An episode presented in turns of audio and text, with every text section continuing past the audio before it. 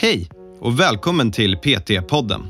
Jag heter Karl Gullö och är utbildningsansvarig på Intensiv PT. Vi har utbildat personliga tränare sedan 2012 och vill hjälpa så många människor som möjligt till en aktiv och hälsosam livsstil. I varje avsnitt kommer vi att prata med olika människor om träning, hälsa och entreprenörskap. Varje samtal har ett unikt ämne och vårt mål är att inspirera dig till att vilja förstå mer om hur det är att arbeta som personlig tränare eller att hjälpa dig framåt i din karriär som PT. Alltså så du utför en övning, det är typ det du får behålla. Vill du ha ett perfekt utförande så behöver du ju träna på tekniken i den övningen med den avsikten specifikt. Du måste ändå sträva efter det här. Jag ska verkligen bli bättre på detta. Varmt välkomna till PT-podden. Idag har vi med oss en riktig legend och det här är nog den gästen som även har mjukast och härligast röst att lyssna på. Jag kommer inte introducera personen, han kommer göra det själv och det här är en människa som man måste ha hört talas om om man arbetar inom träning. Damer och herrar, vi kör igång!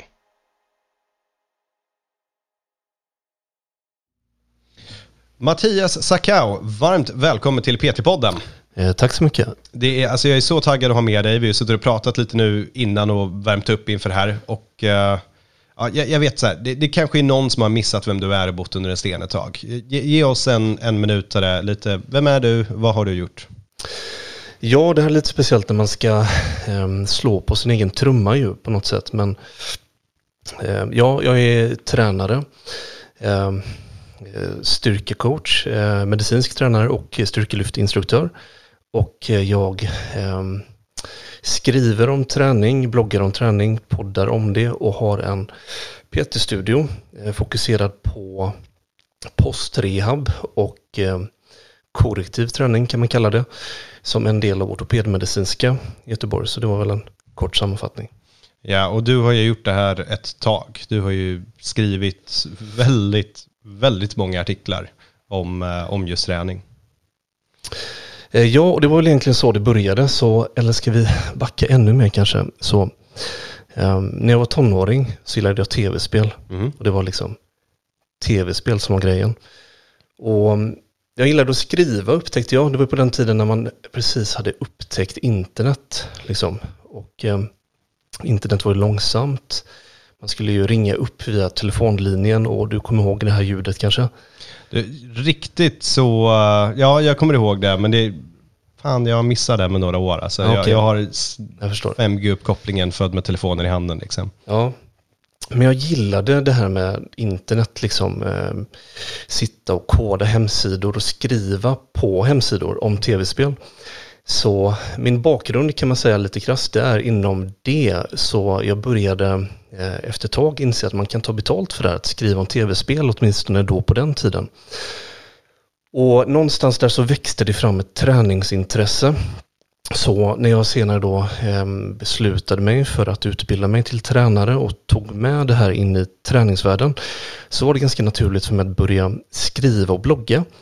För att det är ju så jag uttrycker mig på något sätt. Ehm, och det kanske inte var så mycket så här solid content marketing strategi, väldigt genomtänkt sökordsoptimerad, utan det var mer någonting som föll sig naturligt för att det här gillar jag att göra så att jag bloggade mycket. Ehm, och det var på den tiden då de allra flesta som hade träningsbloggar i Sverige, eh, tror jag, eh, använde det här lite som dagböcker. Så de skrev vad de hade tränat, vad de hade ätit och det var ju inspirerande och sådär. Men det jag ville göra det var att utbilda människor, lära dem om olika övningar, eh, vanliga misstag kanske, bra saker att tänka på. Ehm, och ehm, ja, efter ett tag så tog det där lite fart då. Och det är egentligen så det började. Okej. Okay. Ja. Ja, jag älskar den bakgrunden för det, det kommer från genuint intresse då. Och det ämnet vi har på tapeten idag, det är egentligen um, ja, skador i stort sett och, och träna klienter som är ja, antingen skadade eller upplever att de har någon problematik. Och, och bakgrunden till det här lite grann, det är att du sitter i en unik situation, och vi pratade om det här förut, och jag vill göra det du gör. Uh, det är att jag, jag, det på något sätt så arbetar vi som personlig tränare eller med träning. Mm. Men den bakgrunden du har ligger inte inom fysioterapi, naprapat eller kiropraktor, men ändå kan du jobba med klienter som är, eller har den sortens problematik. Eh, hur skulle du beskriva ditt arbete? Ja, så okej, okay. i grund och botten kanske jag ändå får acceptera att jag är bara en tränare då, så att jag jobbar inte med primär rehab på något sätt. Eh, men eh, efter en tids livserfarenhet på gymmet då, så började jag få lite olika skador, skavanker, smärtbesvär, eh, kompensationsstrategier och så. Och jag upptäckte att det var ganska svårt att få eh, bra hjälp inom primärvården. Eh, Om jag gick till en fysio så fick jag inte träna det jag ville och gick jag till vårdcentralen och ortopeden så kunde ju de såklart inte coacha mig i träning och sådär. Så jag började intressera mig lite för det här och det började egentligen med att jag landade hos en kiropraktor på ortopedmedicinska där jag har min PT-studio eh, idag. Eh, och eh, för första gången då någonsin så kände jag sådär att här är det någon som verkligen kan se vad det här handlar om som förstår vad det är och som lyssnade. Och det var extremt häftigt tyckte jag. Eh, så jag blev nyfiken på medicin. Eh, hur fungerar detta? Liksom, varför har jag ont? Varför beter jag mig konstigt när jag har?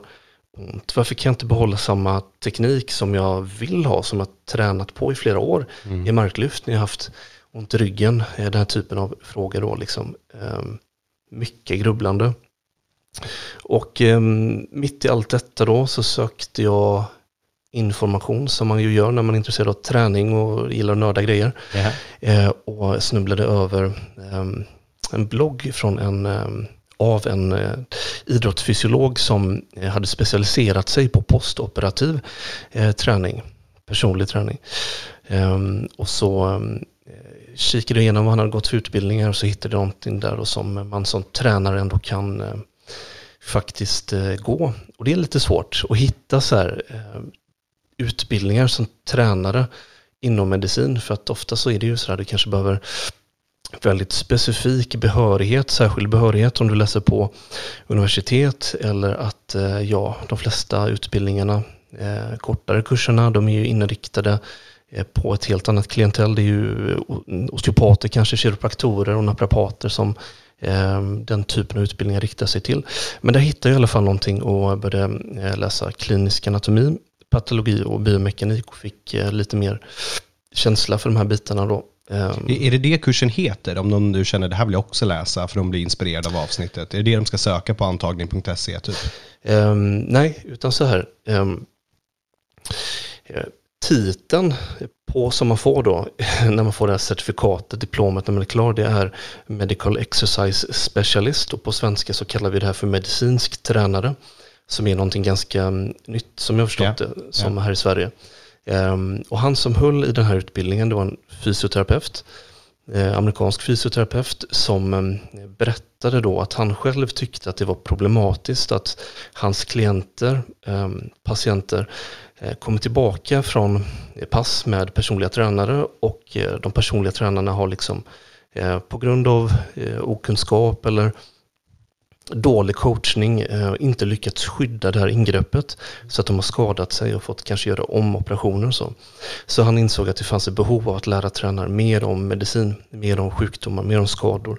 Okej, okay, wow, coolt. Ehm, mm. Så att ehm, och det som den här kursen då fokuserar på det är klinisk anatomi, patologi och biomekanik. Ehm, och det är väl då titeln du får. Jag skulle inte säga att jag använder den titeln så mycket men kunskapen jag fick från det var ju spännande och så. Ja, jag är med hur, hur folk skulle hitta till en sån typ av kurs. Men vi kan kanske ge lite råd i slutet sen på vad, vad man kanske skulle kunna läsa om man vill gå åt det här spåret. Ja, nu, nu avbröt jag det, så for, fortsätt. Du, du, är inne på att du, du går den här utbildningen för att ja. du vill kunna fylla det här gapet lite grann. Precis. Och Ja, precis. Och eh, jag insåg att det fanns många som mig i samma situation som kanske hade skadat sig, eh, fått ont och upplevde kanske att man inte kan träna som man hade velat träna, som man har tränat tidigare. Eh, och man kanske slutade träna helt på grund av att man vill undvika att få ont och sådana saker. Ehm, jag bestämde mig någonstans där då för att försöka liksom specialisera mig på det här då, att eh, liksom fånga in den typen av kunder och hjälpa dem med eh, träning. Eh, sen så eh, föll det sig så naturligt eftersom jag var patient på en rehabmottagning som eh, var i privat regi då i Göteborg, att eh, de hyrde ut ett rum. Jag såg jag på deras Facebook-sida så jag eh, skrev och frågade om eh, hur det såg ut med möjligheterna och eh, ja, så där har jag mitt lilla tillhåll, min PT-studie idag då. Alltså det, det är så coolt, för det, det, den, den grejen här som vi har, som blir lite unik, eh, eller väldigt unik tycker jag, det, det, precis som du nämnde, att det finns ju massa utbildningar du kan gå, men ofta så kräver de kanske att du har läst någonting på universitetet, att du har en eh, bakgrund, eh, att du har läst anatomi på universitetet eller att du har gått eh, basmedicin och har den behörigheten till exempel. Eh, så för oss som personlig tränare, när man hittar de här olika sätten vi kan få kompetensen på, som kanske är mer relevant till vår yrkesgrupp också, eh, ja, det, det är ju hur bra som helst.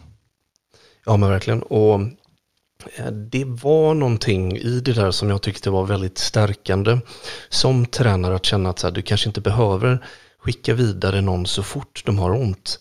Eh, sådär, utan du faktiskt kan hjälpa din klient trots att en har ont, oavsett om det är en skada eller bara en typ av smärtbesvär.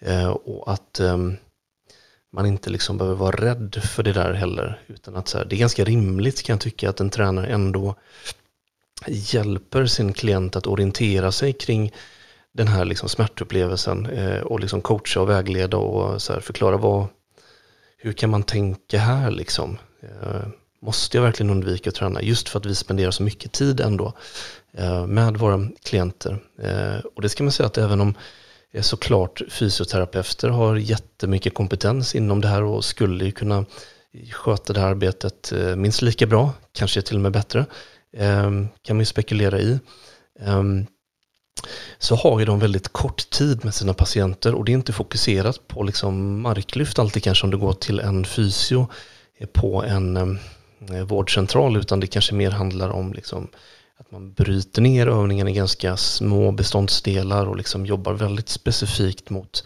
olika kroppsdelar och väldigt lite integrerade rörelser som du kanske vill syssla med långsiktigt.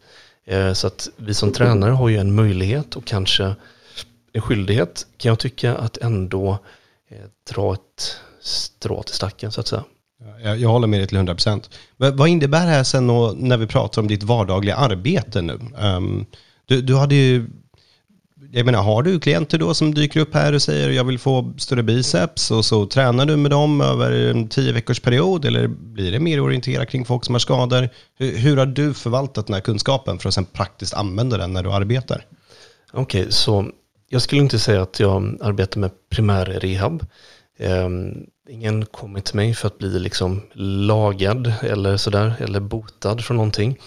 Ehm, men om man har en typ av besvär, ehm, skada sedan tidigare, kompensationsmönster och man vill kunna kanske trots det göra marklyft, knäböj och bänkpress utan att det blir värre eller kanske, kanske till och med ta sig ur det, liksom, ur den här ehm, smärtupplevelsen. så eh, ja, eh, hjälper jag dem gärna en steg på vägen då, Eh, framåt mot deras mål. Eh, och det funkar som så här att vissa hittar mig genom min blogg. Eh, vissa gör det genom Instagram eller poddar eller vad det nu kan vara. Och en del kommer via mina kollegor på ortopedmedicinska så att jag kanske får patienter refererade till mig ibland. Sådär när mina kollegor anser att de har någon som skulle må bra av liksom, ordentligt styrketräning då framförallt. Ja. Eh, och, och, när du då arbetar med dem i praktiken, vad, vad, är det som du gör annorlunda gentemot då, nu, nu, jag ska sluta kalla det för personlig tränare, men gentemot en personlig tränare, vad, vad är det som blir annorlunda? Ja, så okej. Okay. Uh, mm, det är ju en svår fråga, för då får man ju på något sätt förmoda att personliga tränare i allmänhet arbetar på ett visst sätt och jag kanske inte gör det. Uh, jag kan ju mer förklara så här hur, hur jag väljer att arbeta baserat på detta då.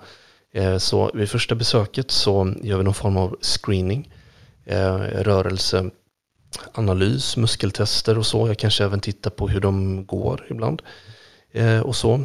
Och detta gör jag inte på något sätt för att hitta dysfunktioner, felställningar eller liknande, utan jag vill bara få en tydligare uppfattning av hur de rör sig för sig. Alltså hur de beter sig egentligen med sina kroppar. Eh, men också samla in bilder till mitt egna eh, register av liksom variationer och hur olika kroppar kan se ut och röra sig. Eh, sen får de testa lite olika rörelser. Ehm, knäböj med kroppsvikt kanske. Ehm, axelpressar med hantlar. Ganska basic rörelse ändå, bara för att liksom se sådär, hur lirar detta, hur känns det och, och så. Ehm, Mm. Eh, och sen så handlar det väldigt mycket om att kanske eh, hitta övningar som avlastar om det är någonting som känns väldigt styggt, eh, som gör väldigt ont. Eh, hittar vi någonting som kanske förvärrar smärta så vill jag ändå i någon mån att vi kanske försöker ta oss ifrån det lite. Antingen med dosering, alltså hur tungt vi tränar, hur mycket vi tränar. Ehm, eller kanske att man testar en helt ny grej. Så eh, till exempel då, eh, du kanske har good morning med skivstång och ehm, du får ont i armbågarna eller axlarna när du har det här greppet om stången då, som du brukar ha. Men vad händer om vi försöker placera armbågarna lite mer under stången? Kanske hålla lite bredare grepp. Ehm, känns det bättre? Gör det ingen skillnad? Ehm, är den här övningen viktig för personens mål? Behöver vi behålla den? Och jag vill då i första rum kanske ändå att vi behåller så långt vi kan de här grundläggande styrketräningsövningarna. Ehm, och snarare då kanske bryta ner det i beståndsdelar i värsta fall, värsta tänkbara scenario. Så vi tänker där fysioterapeuten börjar då i många fall. Eh, det är mer liksom mitt sista vapen i sammanhanget kan man tänka. Okej, okay. för det här är ju, det, när du beskriver det här sättet att arbeta, det är så jag hoppas att många av de personliga tränarna som vi utbildar äh, arbetar. Att ja. de jobbar med screening och svarar till klienterna. Men på något sätt finns det ändå någonting du gör som gör att du kallar dig själv för medicinsk tränare, vilket blir annorlunda. Um, och, och jag, det, det, jag funderar på jag, när vi sitter och pratar om det här, det, det, är dels ett intresse för mig, för det är någonting jag är intresserad av, men det, det, känns som att det handlar om ett självförtroende som har byggts upp, där det blir att du inte är rädd för smärta på samma sätt som någon som kanske inte har den erfarenheten är. Eh, har jag rätt eller vad, hur tänker du? Eh, ja, men absolut så. Jag tänker att det som jag arbetar med är inte smärtmodulering huvudsakligen, men det är ändå någonting som man som tränare behöver förhålla sig till, eh, eftersom att många har ont och sådär. Ehm, jag tänker inte lägga någon värdering i vad det kan bero på, så där, för det kan vara väldigt olika. Ehm, men jag tycker nog absolut att ändå lära sig mer om medicin. Inte bara anatomi och de grejerna, utan även liksom vad, vad är olika sjukdomar, liksom, vad händer i eh, muskelvävnad liksom, efter en ruptur och, och sådana här saker. Det kanske inte är det viktigaste som tränare att hålla koll på, men om du får koll på det så har du ju plötsligt eh, möjlighet att ta dig an helt andra klienter bredare klientell. Eh, men också kanske mm, föra dig och liksom coacha med eh, ett annat självförtroende. Eh, det blir någonting annat ändå på något sätt.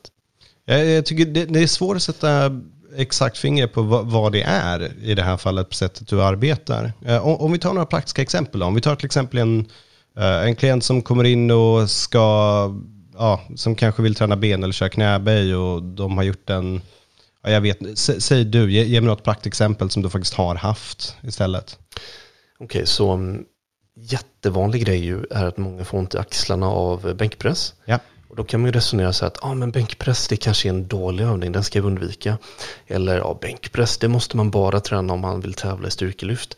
Um, den typen av värderingar och attityder vill jag verkligen undvika. Jag vill försöka arbeta så personcentrerat som möjligt. Så oavsett då, liksom, om någon vill kunna göra bänkpress, vad det finns för anledning oavsett liksom, till det, så tycker jag att vi ska försöka fixa det eh, på något sätt. Och då får de visa hur det ser ut när de gör sin bänkpress i dagsläget. Och så kikar jag på detta och jag funderar på, finns det någonting vi kan göra eh, tekniskt sett annorlunda som avlastar, eh, som kanske inte irriterar det här lika mycket. Ehm, och mitt resonemang är inte baserat på eh, grundinställningen att det finns rätt och fel teknik utan snarare hur kan vi hitta någonting som känns lite bättre, eh, som inte gör ont eh, och där du kanske dessutom kan ehm, ja, eh, bli ännu starkare då egentligen. Så i, i just det här exemplet med bänkpressen, vad, då blir det inte att du sitter och funderar på, okej, okay, men jag tror att den här klienten har impingement eller att det, det är någonting sånt eller någon skadad rotatorkuffen, utan då blir det, du kollar funktion och sen utvärderar hur kan vi göra det här på bästa sätt? Det är lite olika beroende på hur den här personen kommit till mig. Så om jag har fått eh, personen refererad till mig från en kollega på kliniken så innebär det att det kanske finns en diagnos redan. Någon annan har liksom ställt en diagnos som jag får förhålla mig till. Det tänker jag att det är ingenting som jag som tränare gör ju. Eh, och då vet jag så här, okej, okay, impingement, vad är det?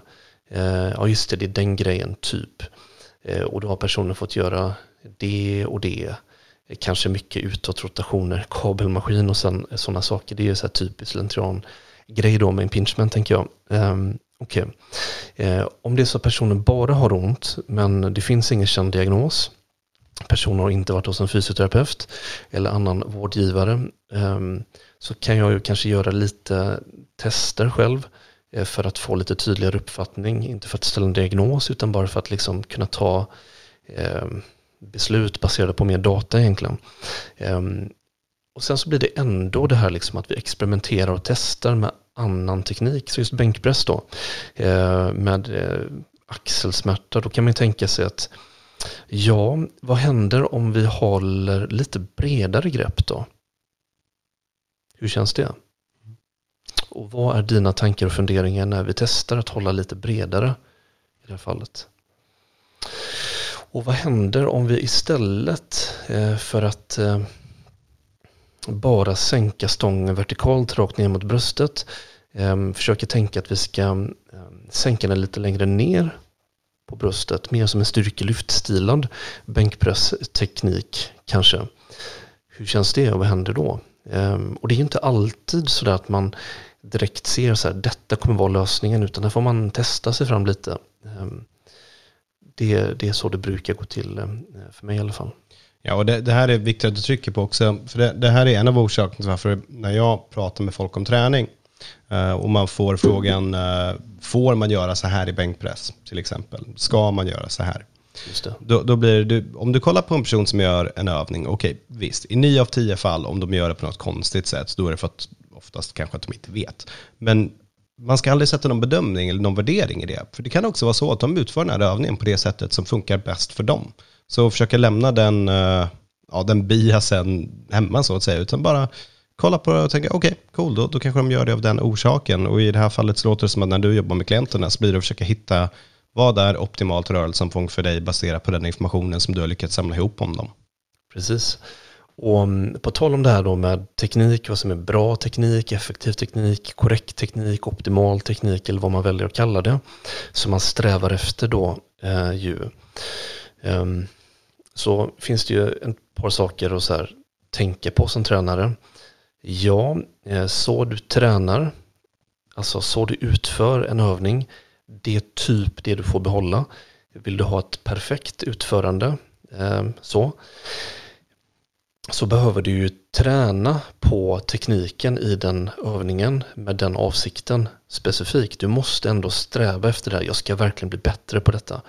Ehm, samtidigt så vet man ju eh, av forskning på motorinlärning att eh, människor blir ofta bättre på att utföra en rörelse om de bara får göra det oftare.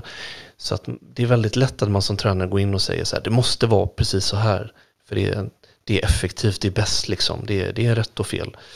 Um, men det finns också någonting i det där bara att liksom lite lätt knuffa någon åt en, ett annat håll och liksom försöka få dem att fundera mer på det själva. Liksom. Hur känns det här? Vad, vad tar detta? Vad tar det inte?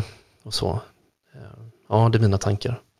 Ja, det, det här är faktiskt någonting jag är rätt stolt över som vi lyfter upp väldigt ofta i utbildningen. är att eh, Visst, vi kan kolla på ett knäböj och försöka se Dels, vi använder inte alltså optimal, de, de orden riktigt, utan vi kan säga det finns vissa grejer som är bättre att göra i form av prestation eh, om du vill lyfta så tungt som möjligt i knäböjen. Det finns liksom, eh, ja, står du med fötterna ihop så kommer du förmodligen lyfta mindre än vad du har gjort om du hade börjat stå axelbrett till exempel. Alltså och plantera fötterna ihop så här liksom. Just det. Men med, med de här sakerna sagt så lyfter vi inte upp fel. Eh, när vi börjar sen bryta ner det, utan vi försöker lyfta upp ej optimala utföranden. För det kanske finns ett optimalt utförande för ett knäböj, men sen så kommer det vara olika från person till person. Och därför har man, därför att säga att någonting är rakt av fel, det, det, det är ett tankesätt som jag gärna vill förändra på i träningsvärlden. Att det finns liksom ingen träningsgud som sitter över oss och säger det där är rätt och det där är fel. Utan man får hitta det som funkar bäst för en själv, helt enkelt. Och det tycker jag är superbra för att då främjar vi på något sätt det här med fysisk aktivitet i sig. Och inte sådär att jag ska inte göra knäböj för jag har aldrig lärt mig göra det med bra teknik. Jag har dålig teknik så det är bättre att jag kör benspark istället. Och det där är ganska vanligt att man ändå har den, eh, den uppfattningen och inställningen. Eh, åtminstone de som kommer till oss ofta. Och det tycker jag är, det finns något farligt med det där. Att man är liksom rädd för att göra övningar för att man inte har perfekt teknik. Jag tycker att det är mycket bättre att i sådana fall eh, träna med vad man kanske i teorin anser är dålig teknik. Mycket liksom. Eh, just för att eh, liksom, främja den här utvecklingen på något sätt. Därmed inte sagt liksom, att eh, man ska sträva efter liksom, ineffektivitet på något sätt biomekaniskt. Ehm, men det finns ju någonting där ändå. Liksom. Ja, men det, det, det, vi vet det är att om du håller dig från att köra knäböj för att du är rädd för att du har dålig teknik och kör bensparkar istället, då kommer du aldrig bli bra på knäböj. Precis. Det, det vet vi, ja. det, det är 100% sant. Liksom. Så, så kommer det alltid vara. Eh, och då blir det så här, ja men, den, så här, då, då är folk rädda för att skada sig antar jag när de gör knäböj, marklyft och bänkpress och så vidare. Och det så, alltså, så länge du inte gör någonting som gör ont och känns väldigt dumt, då kommer det inte vara 100% effektivt. Men genom att skada dig i de övningarna, du kommer garanterat skada dig mer av att inte göra några övningar alls. Det, det kommer nog vara sämre att inte träna överhuvudtaget. Sen så återigen ska vi väl bara lägga in klausulen att vi vi uppmanar folk inte att gå och sträva efter att göra saker med dålig teknik. Gå, gå och träffa en PT eller uh, Mattias här och hjälp dig bli grym på att göra alla övningar. För det finns väl ingen orsak att göra det sämre istället för bättre. Men att din teknik kommer se annorlunda ut än någon annan och det är helt okej. Okay. Just det, precis. Och det är lite det som är poängen med att uh, det här med hur så vi förmodar att det finns en Eh, effektiv teknik i knäböj som man bör sträva efter. Hur den ser ut när du gör den kommer variera enormt mellan olika personer eh, beroende på mm, saker som eh, längd på extremiteter, liksom, ehm, hur långt är ditt eh, lårben kontra ditt smalben liksom. Ja, klassiker. Eller ja men verkligen sådär, hur långa är dina ben i förhållande till din överkropp och ehm, ja, hur mycket sådana här olika saker som helst. Eh, det finns ett område som kallas för morfologi. Är det någonting som ni kikar på till och med utbildningen kanske? Uh, nej, faktiskt inte så mycket.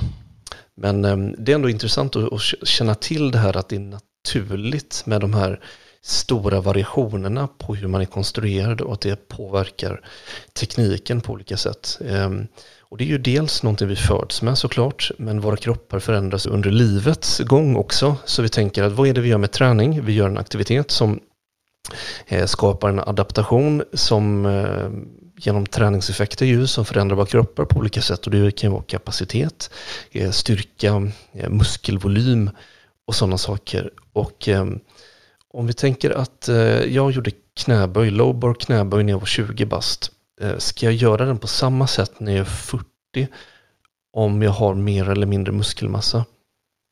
Samma övning, eh, samma person men jag har mer muskelvolym på ryggen kanske, eller mindre. Hur påverkar det min teknik? Samma person. Ja, ja det, jag hävdar det, det kommer ju... Mitt svar skulle, få, får vi se om jag har rätt eller fel i det här nu, eller vad du tycker. Ja. Min, min tagning på den hade varit att vi vill, förmodligen för att vara så effektiva som möjligt, eftersträva så lik rörelsebana som möjligt, men att självklart kommer stångplaceringen förändras bara för att din rygg ser annorlunda ut. Och ja, verkligen. Och det kan ju finnas en poäng med att variera teknikstil på det sättet också.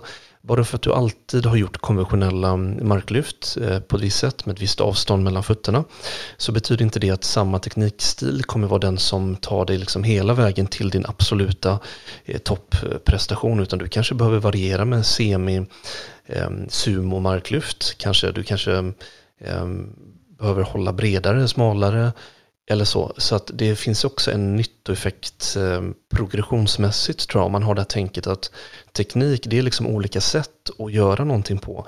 Mer än att det är så här, så här ska det vara och så där ska det inte vara. Det, det här är väldigt intressant att du nämnde, för att när jag tänker med mina kunder, eller Ja. de kunderna som jag haft, då håller jag med dig till 100% om den punkten. Det är, vi kommer testa det, vanliga marklyft, sumo-marklyft, upphöjda, liksom, vi, vi, vi kommer köra på allt.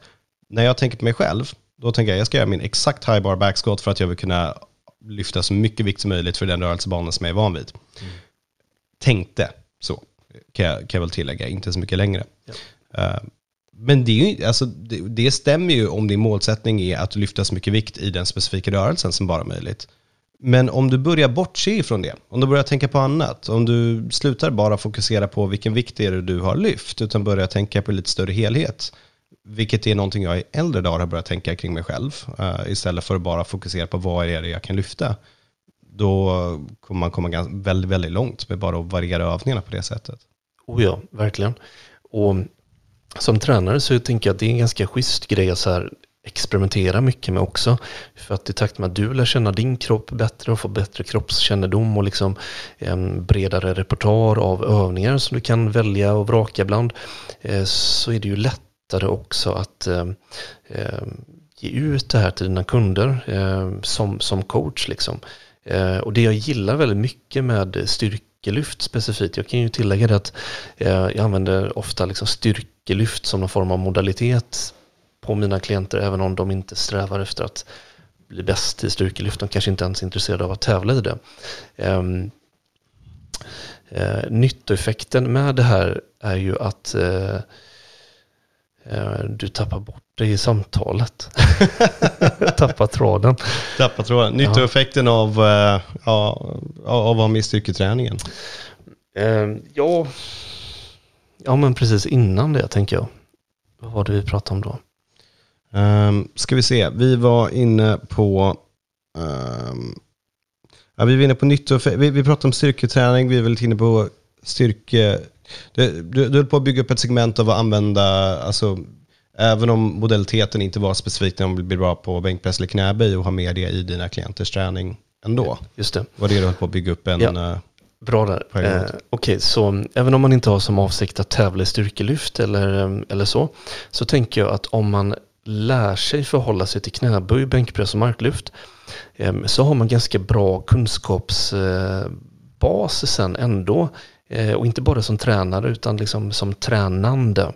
Eh, Och förstår du de här bitarna, hur du bryter ner detta i regressioner, progressioner, eh, specificitet, eh, liksom träning efter progressionsprincipen och alla de här bitarna så kan du liksom styrketräning. Lär du dig de här tre övningarna riktigt bra, då kan du styrketräning. Det är i alla fall mitt resonemang då. Ja, jag, jag håller med dig till 110 procent. Eh, om, om vi börjar jobba mot att avrunda här då, för nu kanske folk tänker på det här, tänker okej, men jag, vill lära mig mer om det här. Uh, vad ska jag göra och vart ska jag gå för att bli bättre på att ta hand om folk som har lite olika skador? Uh, vad, har du för tips till de personerna? Sök dig till fysioterapeuter, eh, kiropraktorer och naprapater som håller kurser i korrektiv träning. Eh, korrektiv träning det innebär ju i princip att, ja, Eh, att vi liksom ser på om det finns begränsningar i rörelseorganen på något sätt, stelheter, kompensationsmönster eller så. Eh, och hur vi som tränare kan liksom eh, arbeta med detta även om vi inte är fysios då. Och det kan vara svårt att hitta. Det är också väldigt lätt att man lägger för mycket värdering vad som är rätt och fel. Men eh, för att få en känsla för de här bitarna så måste man ändå liksom eh, börja begripa sig på vad smärta är, vad kompensationsstrategier är, eh, hur man liksom arbetar med rörlighet och styrka samtidigt. Ehm, och mm, ja, jag skulle säga mm, workshops och utbildningar som hålls av mm, vårdgivare inom korrektiv träning ehm, och eh, vetenskap kring smärta, evidensbaserad praktik. Eh, har många eh, bra kurser om det här eh, där man grottar i det och det jag gillar med evidensbaserad praktik är att här får vi verkligen lära oss att liksom nyansera de här frågorna och tänka kritiskt. Så där finns många guldkorn eh, att hitta så. Men, Om jag bara får flika in med den ja. snabbt till alla som lyssnar på det här också. Att det, det, finns avsnitt med sätt också som sitter och pratar om evidensbaserad praktik. Så scrolla ner lite grann i flödet ska ni höra om detta också. Nu, fortsätt. Varsågod. Ja, ja precis. Så tänk inte så här, det, det är en kurs som kommer fixa det här, utan eh, att arbeta som tränare eh, och jobba med människor på det sättet, det är ett livslångt lärande tänker jag. Ehm, så gå mycket kurser, gå mycket utbildningar. Men försök förkora det lite extra liksom i det här med eh, patologi, klinisk anatomi, eh, men förstå också liksom, när är det dags att referera vad är, vad är begränsningarna ändå för din scope of practice på något sätt. Eh, jag var inte rädd för att coacha folk som har ont, liksom, för att vi som tränare kan göra väldigt mycket nytta där som eh, jag nästan ingen annan i vårdkedjan ändå kan göra. För att du spenderar så mycket tid med dina klienter. Ja, Mattias, tack så jättemycket för att du var med och berättade om allt det här. Jag, har lärt mig massa. Jag tror säkert att de som lyssnar kommer att känna sig att de har lärt sig massa. Um, tack. Ja, tack själv.